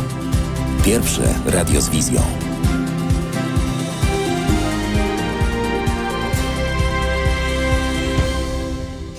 Halo Radio, wracamy do rozmów bardzo osobistych. Dzisiaj bardzo specyficzna rozmowa e, z bardzo fajnym gościem, który tutaj osz, o, wszyscy oszaleli e, słuchacze i już nawet e, Kuba został powiadomiony, nasz ojciec dyrektor, że Roman Mańka do drugiej tury, do czasu drugiej tury powinien tutaj być prawie codziennie i Państwu tłumaczyć rzeczywistość, tak jak o świetny wykład. Dziękuję. Proszę bardzo, masz tutaj sam, poczytasz sobie na Facebooku i na YouTubie, jak wrócisz do domu, co tam słuchacze piszą. Nie chcę tracić czasu na, słu- na czytanie was, bardzo was przepraszam, ale dziękuję za te wszystkie wpisy i za te komentarze. Ja bym chciała, ponieważ zostało już nam tylko e, parę minut, e, to chciałabym tak do, do brzegu. E, To znaczy tak, Duda szans nie ma, e, prezydent Duda na, e, w pierwszej turze na Nie, nie, reelekcji. nie. W związku z tym, e, kto e, z nim wejdzie do drugiej tury? Ja uważam, że Rafał Trzaskowski, chociaż muszę powiedzieć, że końcówkę kampanii miał słabszą. Natomiast tak jak powiedziałem wcześniej. Co to znaczy słabszą? W jakim yy, sensie? Mniej ofensywną. Ja w ogóle powrócę do tej debaty w TVP, w której Mhm. gościł. I tam yy, mógł przyjąć strategię bardziej ofensywną, mógł silniej w yy, Prawo i Sprawiedliwość uderzyć. Ale dlaczego tego nie zrobił? Myślę, że przyjął zachowawczą strategię, jaką często się w polityce przyjmuje, tak jak w piłce nożnej. Czasami ci słuchacze, którzy interesują się piłką nożną, wiedzą, że czasami zespoły grają na remis, przyjmują defensywną grę, żeby nie stracić bramki. I to jest często błąd. Był taki włoski trener, już nieżyjący Enzo Bearzo, który mówił, że nie da zdobyć się Mistrzostwa Świata grając tylko defensywnie. Trzeba zagrać, zagrać również ofensywnie i trzeba zaatakować. Tym bardziej w polityce trzeba jednak e, być e, w ataku, trzeba inicjować różne akcje, trzeba mieć inicjatywę. To jest bardzo ważne. Nawet w politologii y, występuje w filozofii polityki takie pojęcie jak posiadanie tematu. Trzeba posiadać temat. Tak jak PiS y, wprowadził LGBT do debaty publicznej właśnie po to, żeby posiadać ten temat, żeby go używać, żeby mieć inicjatywę polityczną. Jest bardzo ważne to, żeby mieć inicjatywę polityczną, ale Rafał Trzaskowski bardzo dobrze wszedł do tej kampanii. Na jego korzyść zadziałała świeżość, e, wysoka jakość tego kandydata, dobre wykształcenie, te cechy, o których się mówi, znajomość języków obcych, dobre cechy komunikacyjne, dobre relacje z e, wyborcami, mhm. taka bezpośredniość, bliskość on w tych rozmowach z ludźmi dobrze wypada. A poza tym umiejętność opisania sytuacji. Proszę zwrócić uwagę na jego hasło. Mamy ono, dość. Tak, mamy dość. Ono się odwołuje do tej emocji, która zwłaszcza w wielkich miastach, ale nie tylko, również w średnich i również w mniejszych, mówi ludziom wszystko. Otóż e, specjaliści od socjotechniki, od marketingu powiedzieliby ci, że najlepszy przekaz to taki, który w dwóch słowach wytłumaczy ludziom, o co chodzi. I Trzaskowski w tym swoim haśle mamy dość wytłumaczył wyborcom centrowym, centroprawicowym, liberalnym, lewicowym, nawet skrajnie lewicowym, o co chodzi. Oni mają dość tej polityki, która od 2015 Ale Hołownia roku też jest tłumaczy, realizowana. Więc dlaczego nie Hołownia? Bo nie ma struktur, jak wszyscy mówią? Jeżeli mam odpowiedzieć jako y, ktoś wartościujący politykę, to powiem, że to, co mówi Hołownia, to jest cynizm i hipokryzja. I to jest, to jest populizm. Dlatego, że są różne odmiany populizmu. Ale jeżeli ktoś twierdzi, że można robić politykę bez partii politycznych, to on gotuje zupę pomidorową bez pomidorów. Nie da się ugotować zupy pomidorowej bez pomidorów. Nie da się stworzyć religii bez kościołów. Nie da stworzyć się silnej reprezentacji piłkarskiej bez klubów. Chcesz mi powiedzieć, że bez partii politycznej Oczywiście, można... w Polsce jest źle stawiany problem. Często mówi się, że winą za obecną sytuację, za zapaść demokracji, życia politycznego są partie polityczne. A jest dokładnie odwrotnie. Winą za to, że jest w Polsce słaba demokracja, że w Polsce nie funkcjonuje życie obywatelskie, że w Polsce jest wiele manipulacji, że w Polsce elity często alienują się od społeczeństwa, są słabe partie polityczne. Polskie partie polityczne są bardzo słabe. Podam przykład. Platforma Obywatelska 40 tysięcy. Okazało się, że kiedy y, prowadzili weryfikację i były w partii wewnętrzne wybory, kiedy kandydował Donald Tusk i y, Jarosław Gowin, to nawet połowa tych ludzi, mimo że wystarczyło podejść do komputera i za pomocą myszki i klawiatury oddać głos. Nawet połowa z tych 40 tysięcy nie wzięła udziału w głosowaniu. Podobnie było, kiedy miały miejsce prawybory w 2010 roku, gdy decydowano, kto ma być kandydatem Platformy, Komorowski czy Sikorski. Również połowa, nawet połowa członków nie wzięła udziału w wewnętrznych wyborach, mimo że można było głosować elektronicznie za pomocą komputera. O czym to świadczy?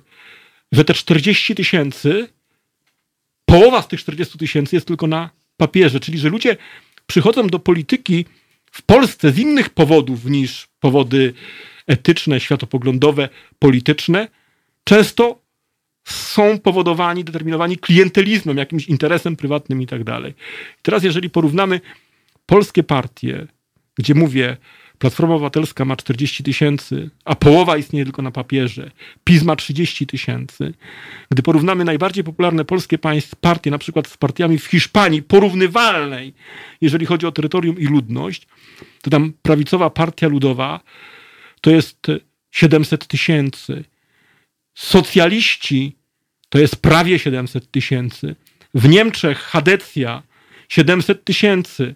Socjaldemokraci prawie 700 tysięcy, a u nas 40 tysięcy Platforma Obywatelska, PiS 30 tysięcy. Do tego, co ciekawe jeszcze, najbardziej silne są partie y, postkomunistyczne. Jeszcze nie tak dawno najbardziej silnym ugrupowaniem był PSL, bo miał tam mm, około 200 tysięcy y, członków. SLD w pewnym mhm. okresie, już dzisiaj to jest nieaktualne, ale w pewnym okresie miało 60 tysięcy. Co to oznacza? Jeżeli ludzie nie biorą udziału w polityce, to słabnie kontrola społeczna. Decyzje pozostawia się elitom. Elity mogą, izolując się od społeczeństwa, niekontrolowane przez społeczeństwo, podejmować decyzje i bardzo często wypaczać proces demokratyczny. I to się dzieje. A więc problemem nie jest to, że istnieją w Polsce partie polityczne, tylko problem jest to, że partie polityczne są za słabe. Zobacz przykład Stanów Zjednoczonych. Tam mamy republikanów i tam mamy demokratów. I tam po pierwsze jest wysoki stopień partycypacji politycznej, wysoka socjalizacja polityczna. I druga rzecz, jest bardzo wysoki stopień obywatelskości, bo partie, wbrew temu, co się mówi, wbrew temu, co mówi Hołownia, mogą wzmacniać procesy obywatelskie. Kwestią i problemem, które trzeba postawić, nie jest to, czy partie mają istnieć, bo mówienie, że partie mogą nie istnieć, jest nonsensem. No bo patrzmy na tego Hołownię. Krytykuje partię, a jednocześnie zakłada swoją partię już, buduje struktury jakieś. To jak takiego kandydata można poważnie traktować? Oczywiście on powie, że to stowarzyszenie, tylko że stowarzyszenie działające w polityce niczym jest- nie będzie różni, różniło od partii politycznej, to będzie quasi partia polityczna, tak można powiedzieć. A więc mamy tutaj do czynienia z zafałszowaniem obrazu, z hipokryzją.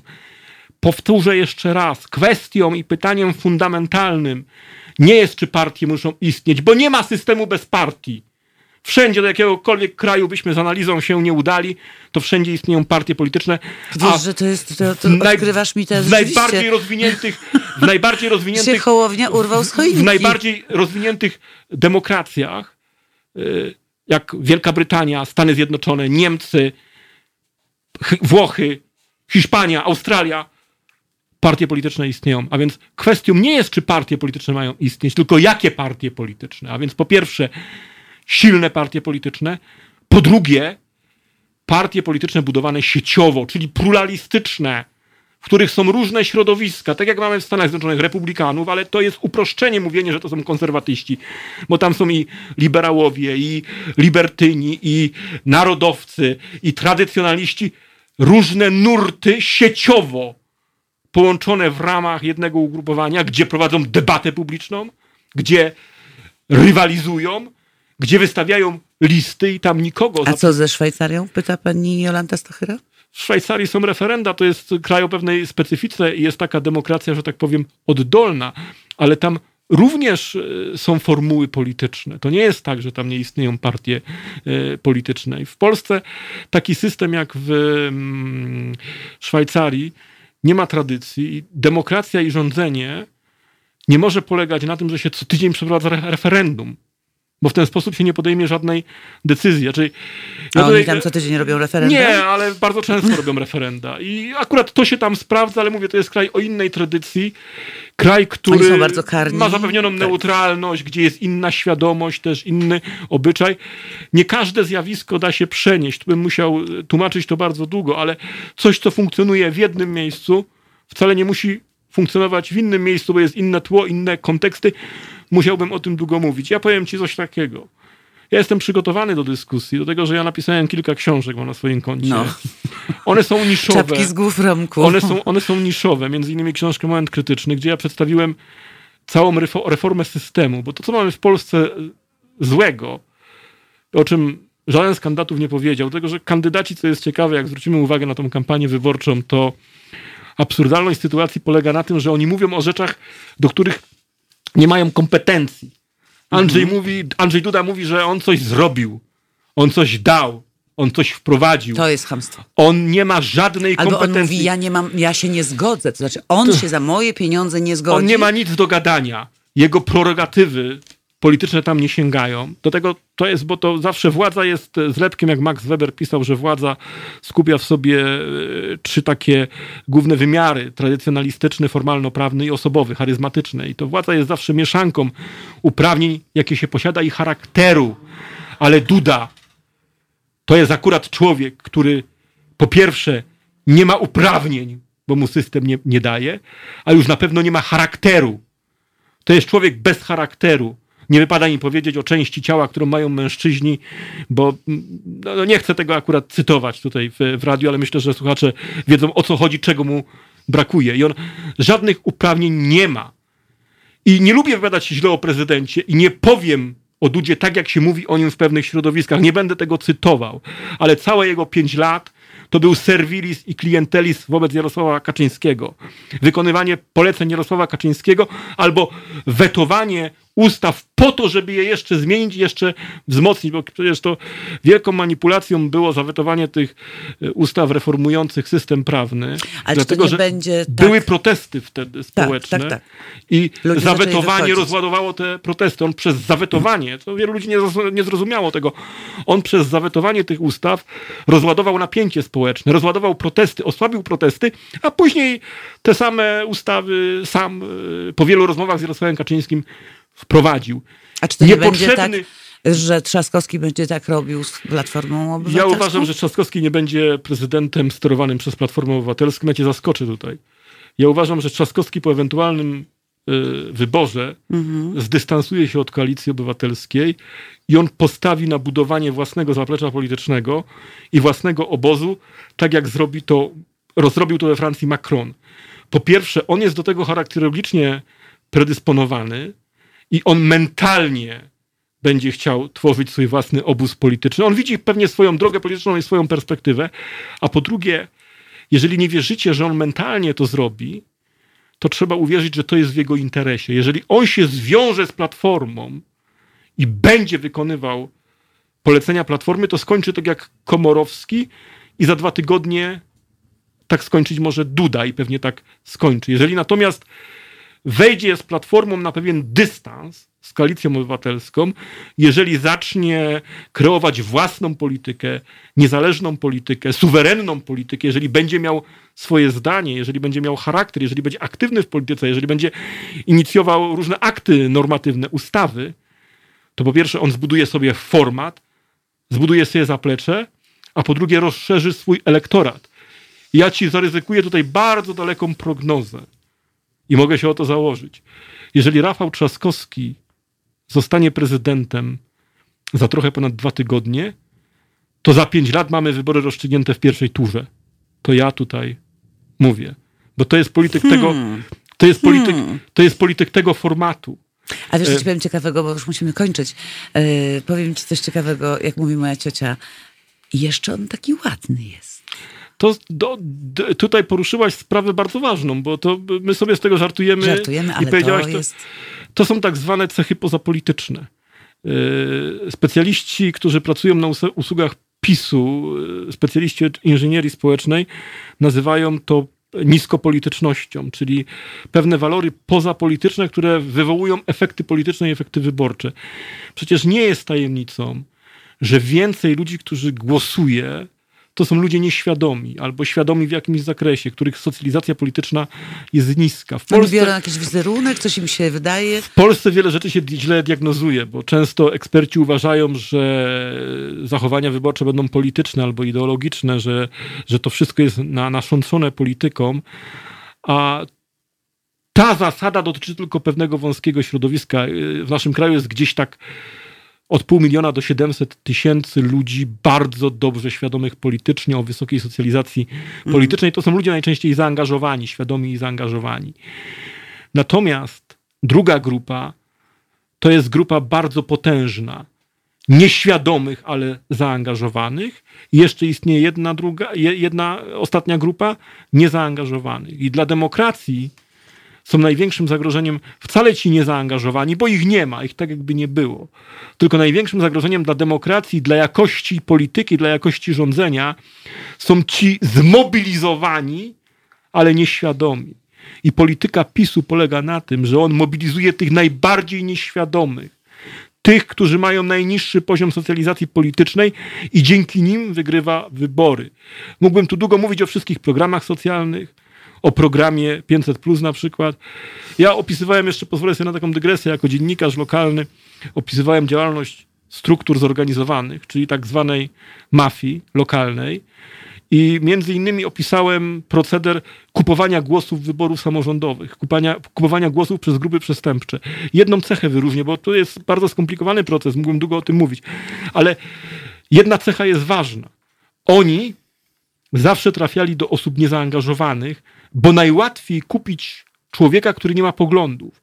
Człowieka, który jest nieświadomy. Tego jest najłatwiej kupić, bo świadomy będzie robił opór, nie będzie chciał sprzedać głosu. Natomiast człowiek nieświadomy go sprzeda. I oczywiście to Da była, się przekonać to była korupcja wyborcza. I teraz to, co robi PiS, ja się nie zawaham e, tego nazwać korupcją wyborczą, tylko że ja to obłożę pewnymi zastrzeżeniami. To nie jest tak bezpośrednie, jak w wypadku wykonaniu grup gangsterskich, bo to nie polega na tym, że ktoś przyjeżdża do kogoś do domu i mówi: Słuchaj, dam ci 20-30 głosy, gło, i zagłosujesz na tego czy innego kandydata. Tak robiono w wyborach samorządowych, ja to opisałem. Mamy pewną złożoność strukturalną i tak jak się dzisiaj często korumpuje prezydentów czy premierów w różnych krajach poprzez zapewnianie ich, że po zakończeniu kadencji będą wykładali na różnych uniwersytetach za wielkie pieniądze. Tak, no pewnie i tak pewnie będzie. Tak, Romku, musimy kończyć. PiS uruchamiając pewne socjalne programy, nie będę już ich wymieniał, po prostu kupował głosy. To jest kupowanie To głosów jest i tak to jasne. trzeba nazwać. Romku, tu y, pan Anatol Łuksza mówi, wiedziałem, że brak mi wiedzy, ale po tym wykładzie zrozumiałem, że jestem ignorantem. Czapka z siwej głowy, pani Romanie.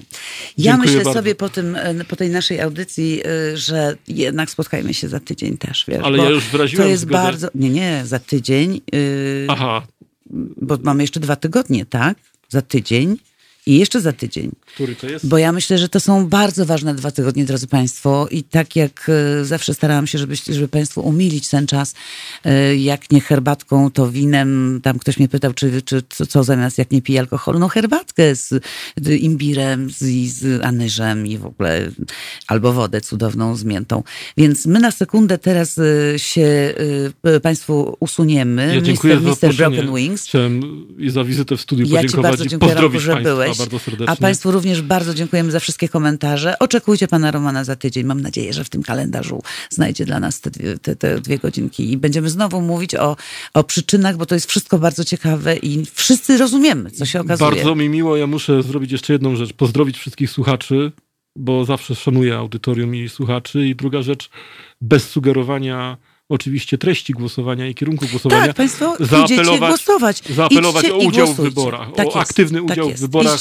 Niech każdy, kto nas słucha, idzie do wyborów, bo to jest nasz obywatelski obowiązek. A to, jak będziecie Państwo głosować, to jest oczywiście Państwa prywatna sprawa. Tak, dokładnie, zgadzam się. Dobrze, Mr. Mr. Broken Wings i za chwilę wracamy. Słuchajcie powtórki programu. Halo Radio. Gadamy i trochę gramy.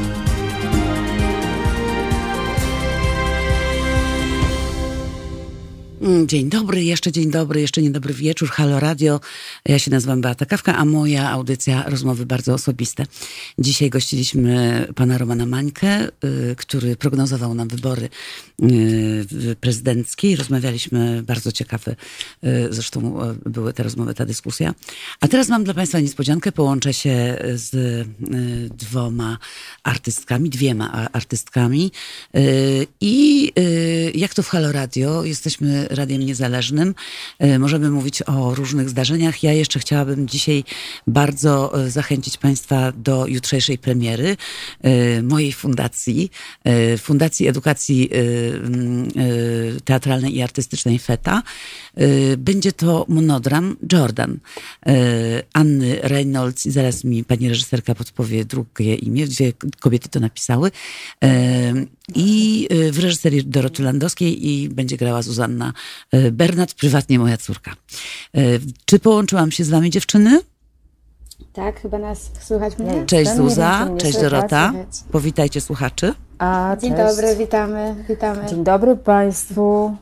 A wy łączymy się y, z dziewczynami tylko dlatego, że one są już w Łodzi, bo premiera będzie miała miejsce na scenie Monopolis y, w Łodzi, w teatrze całkiem nowym, co zupełnie nowej y, scenie, więc Łodzianie, bardzo was proszę, zainteresujcie się, bo jutro o 20 będzie można po prostu przyjść do teatru albo kupić, kupić sobie bilet online, bo premiera będzie w tak zwanym streamie, czyli jeżeli wykupią sobie Państwo dostęp na artkombinat.pl mm, i tam jest zakładeczka Jordan, nasz spektakl, będziecie Państwo mogli zobaczyć y, całość tylko raz i tylko w tym czasie, no a potem będziecie pewnie szukać tego y, monodramu gdzieś w Warszawie, na pewno zostaniemy na scenie Monopolis w Łodzi również. Y, Dorota, o czym jest Jordan? E, Jest to sztuka o miłości i o jej braku, o fatalnych wyborach o, i konsekwencjach tych, tych wyborów, o młodości, o, o wybuchu, mm, o pragnieniach, o, o, o, wszystkim tym, czym jest wchodzenie w życie młodego człowieka, w tym wypadku e, młodej dziewczyny, która się nazywa Shirley i, którą, e, i która jest postacią prawdziwą, bo tutaj właśnie o tym od kilku dni, a właściwie od ty- kilku tygodni, a nawet od dwóch miesięcy rozmawiamy, że jest taka potrzeba, żeby to e, podkreślać, że historia, o której opowiadamy, jest historią prawdziwą, ona wydarzyła się naprawdę.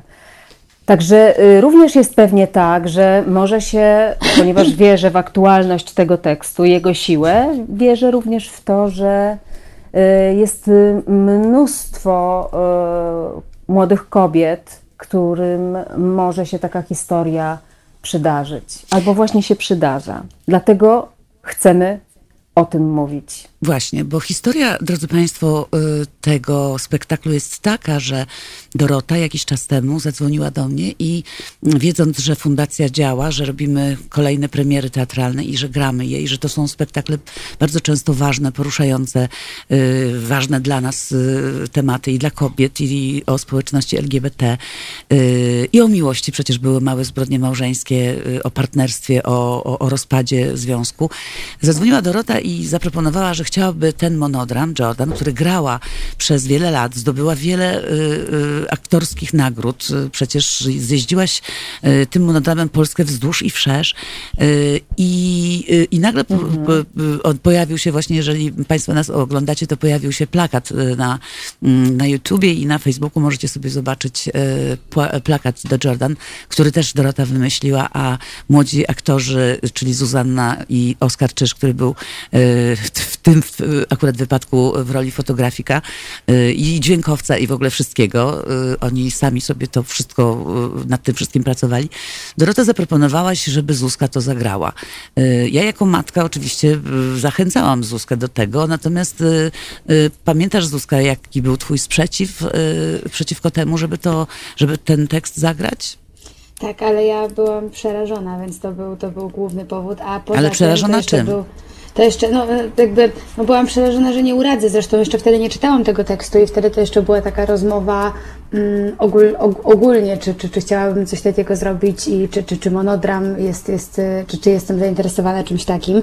I wtedy jeszcze nawet nie przeczytałam tekstu i od razu z góry miałam takie, ojej, nie wiem, czy uradzę, nie Odmówiłaś, wiem, czy to jest dobry pomysł. odmówiłaś. Nawet zadałeś mi pytanie, czy ja grałam monodram. Powiedziałam ci, że nie, że przez całe swoje życie nie zagrałam monodramu. Tak, i wtedy- Ale i okazało wtedy, się, że ta mm. forma monodram cię y, przerosła w, w myślach. A co było potem? No, potem było tak, że, że rzeczywiście y, bardzo długo się zastanawiałam, czy, czy to, czy ja uradzę, czy, czy, to, czy dam radę i tak dalej, a później przeczytałam ten tekst i już zapomniałam o tym, czy uradzę, czy nie uradzę, czy edukacyjnie, nie edukacyjnie, tylko po prostu uznałam, że trzeba to powiedzieć niezależnie od y, mojego strachu, a strach trzeba przezwyciężać i trzeba to robić dalej. No i ten strach przezwyciężyłaś, bo jesteśmy po trzech generalnych i wszyscy zgodnie twierdzą, że wykonałaś znakomitą robotę i twoja Shirley Jones jest absolutnie zachwycająca. Możesz powiedzieć mi, o czym dla ciebie jest ten spektakl, o czym dla ciebie jest ten tekst?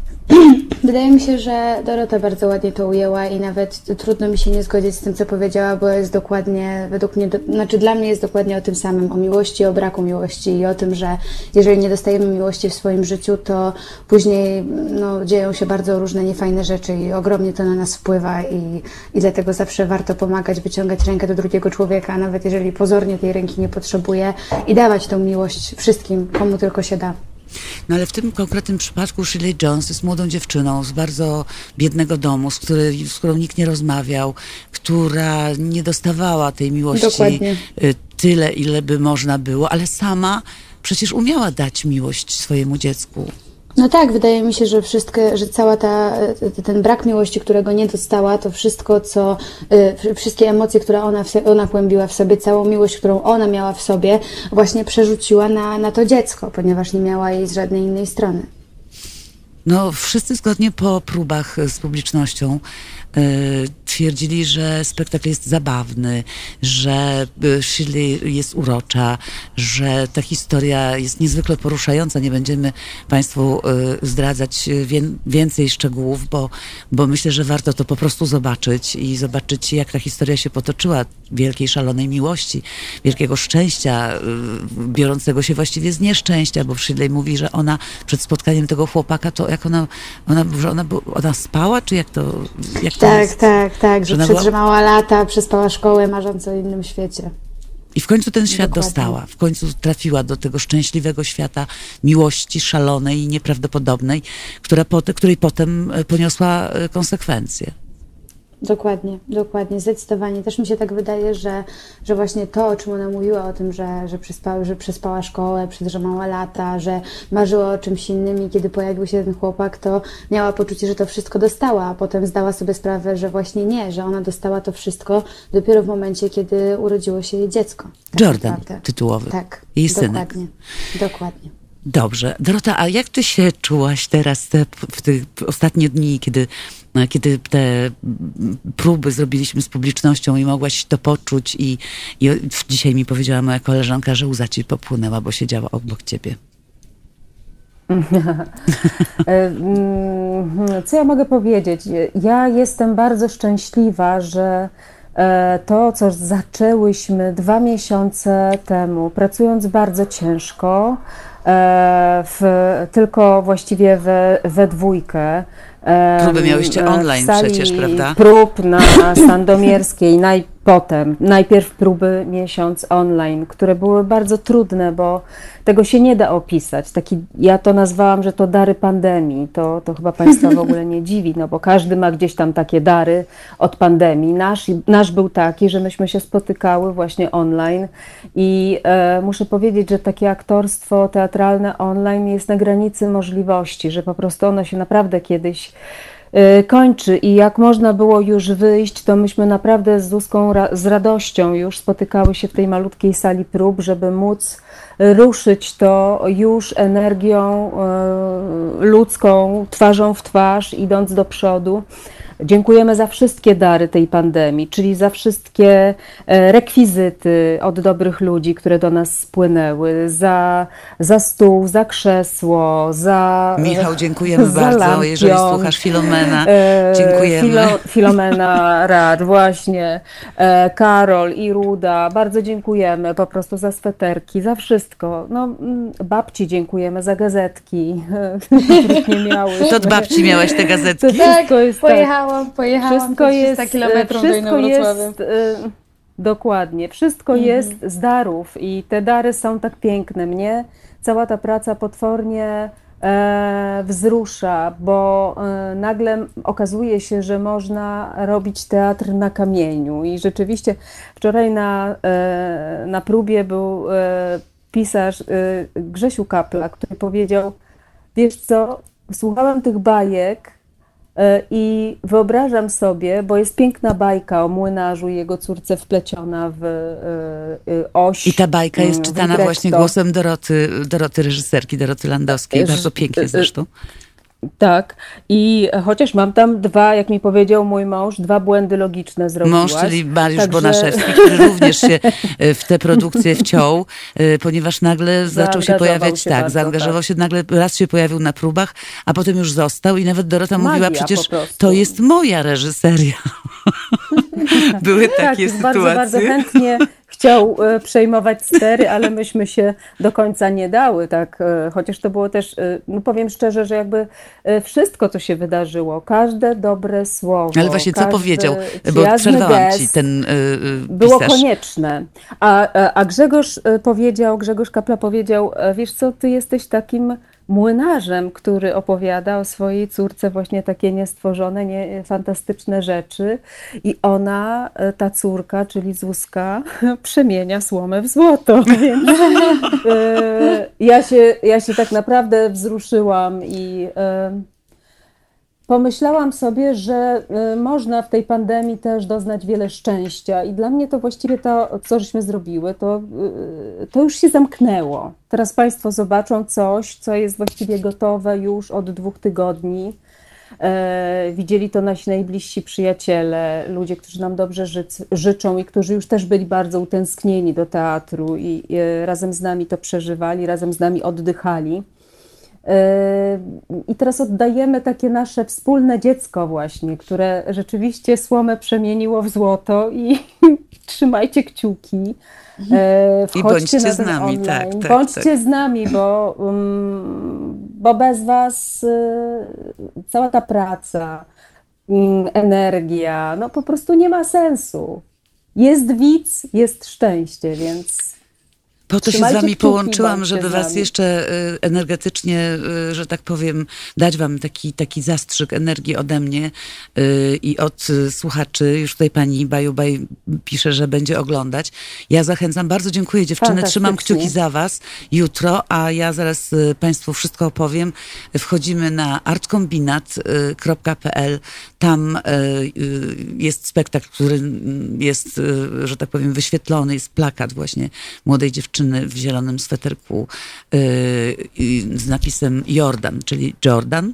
Yy, I, no i po prostu y, kupujemy sobie wejście online, y, szykujemy się przed godziną 20, dostajemy kod, potem wpisujemy ten kod i od godziny 20 oglądamy y, sobie przez godzinę ten spektakl. Wiem, że pierwszych chyba 10 minut można obejrzeć za darmo, po to, żebyście Państwo zobaczyli, czy chcecie dalej oglądać, czy nie. Zachęcam do tego bardzo serdecznie i do tego, żeby sobie, żeby ten spektakl obejrzeć, bo rzeczywiście ja mam dosyć y, y, dużą, y, duży, powiedziałabym wobec mojego dziecka, czyli mojej córki Zuzanny Bernat, duży dystans, ponieważ jesteśmy dwiema osobnymi bytami. Ona postanowiła, że będzie grała i fajnie. Ja robię swoje rzeczy, ale bardzo, bardzo jej kibicuję, również jako widz i też jestem pod wrażeniem tego spektaklu, który dziewczyny wykonały. Dodam, drodzy Państwo, że ten spektakl powstał bez żadnych środków finansowych, y, bez y, wielkich scenografii. Rzeczywiście wszystko, co y, jest na scenie i w co aktorka jest ubrana, jest Dokładnie, darem. Wszystko jest z darów. I myślę, Dokładnie. że to ma wielką, I w ten wielką sposób wartość. też możecie, będąc z nami, szanowni Państwo, drodzy, nasi przyjaciele tam po drugiej stronie, słyszący nasz głos, możecie po prostu w ten sposób wesprzeć kulturę, która jest naprawdę teraz dosyć trudnym momencie. Trzymajcie mocno kciuki. Tak jest. Trzymamy my również kciuki za Państwa, żebyście byli zdrowi i radośni, no i żebyśmy wszyscy się razem spotkali w teatrze. Tak, i do teatru też można przyjść. Scena Monopolis. Yy, Właśnie, nie... łodzi, łodzi przybywa. Albo łodzi, łodzianie, tak, łodzianie mogą, jeśli nie wyjechaliście na wakacje, można też kupić bilet y, stacjonarny z, z zachowaniem wszelkich y, zasad bezpieczeństwa. Y, tych biletów nie będzie dużo i nie ma chyba już dużo, bo wiem, że można tam chyba zaprosić do tej sali tylko 70 osób. Jakkolwiek zawsze cudownie się gra, kiedy są na widowni ludzie i myślę, że dla tego spektaklu też y, to będzie dobre, gdyby, jeśli tam po tej drugiej stronie będzie widz i będzie wysyłał tę cudowną energię, jak to zawsze robi w teatrze. Dziękuję wam dziewczyny bardzo. Dziękujemy bardzo. Drodzy Państwo, a ja zaproszę Was na audycję za tydzień. Już wiadomo, że, y, że będzie Pan Roman Mańka. Widzę, że tutaj y, są jakieś komentarze dotyczące Romana Mańki, że mu przeszło, że był ucieleśnieniem paska w TVP. Nie wiem, drodzy Państwo, jakkolwiek bardzo dobrze diagnozuje tę rzeczywistość myślę, że warto się z nim zobaczyć raz jeszcze. Ja Wam dziękuję za dzisiaj bardzo, bardzo za Waszą obecność, za wszystkie y, Wasze wpisy, za komentarze, y, bo one tworzą to radio. Przypominam Wam, że y, to Wy nas wspieracie swoimi stałymi wpłatami i nie tylko zachęcam do tego, żeby dalej to czynić, bo tylko dzięki temu możemy się rozwijać, możemy pracować. Y, no i możecie zajrzeć na www.halo.radio i tam zobaczyć szczegóły. Zapraszam za tydzień. Y, życzę Wam miłego wieczoru piątkowego i zachęcam do tego, żeby y, pojutrze pójść, oddać swój głos i wyrazić y, swoją opinię na temat tego, co się dzieje w naszym kraju, jak ma się dziać przez najbliższych pięć lat. To jest bardzo, bardzo ważny dzień i bardzo, bardzo ważne wybory dla mnie też. Dzień dobry, nazywam się Kuba Wątły. Jestem pomysłodawcą projektu Haloradia, pierwszego w Polsce w pełni profesjonalnego medium dla obywateli. Dla niektórych z Państwa jestem też ojcem dyrektorem, chyba dlatego, że czasami udzielam się w naszych programach nagle i z zaskoczenia. I dobrze, wszak dobre toruńskie wzorce są zawsze w cenie, no poza tym jednym. Pan Rydzyk gromadzi pieniądze, by nas dzielić i z czasem doprowadzić do wojny domowej na tle religijnym. My prosimy natomiast Państwa o wsparcie, by móc z Wami rozmawiać, by wspólnie się uczyć, by tolerancję zastąpiła akceptacja. Zauważyliście, jak różne są te dwa słowa? Akceptujmy siebie i akceptujmy to, że po 30 latach, od 1989 roku, tylko dzięki państwu możemy tworzyć medium bez udziału polityków i nie na pasku korporacji. Pamiętajcie o nas codziennie. Jeśli chcecie być częścią naszej społeczności, to słuchajcie, oglądajcie, piszcie, mówcie i finansujcie swój obywatelski projekt Halo Radia. www.halo.radio ukośnik SOS. Dziękuję w imieniu wszystkich dziennikarzy i swoim własnym.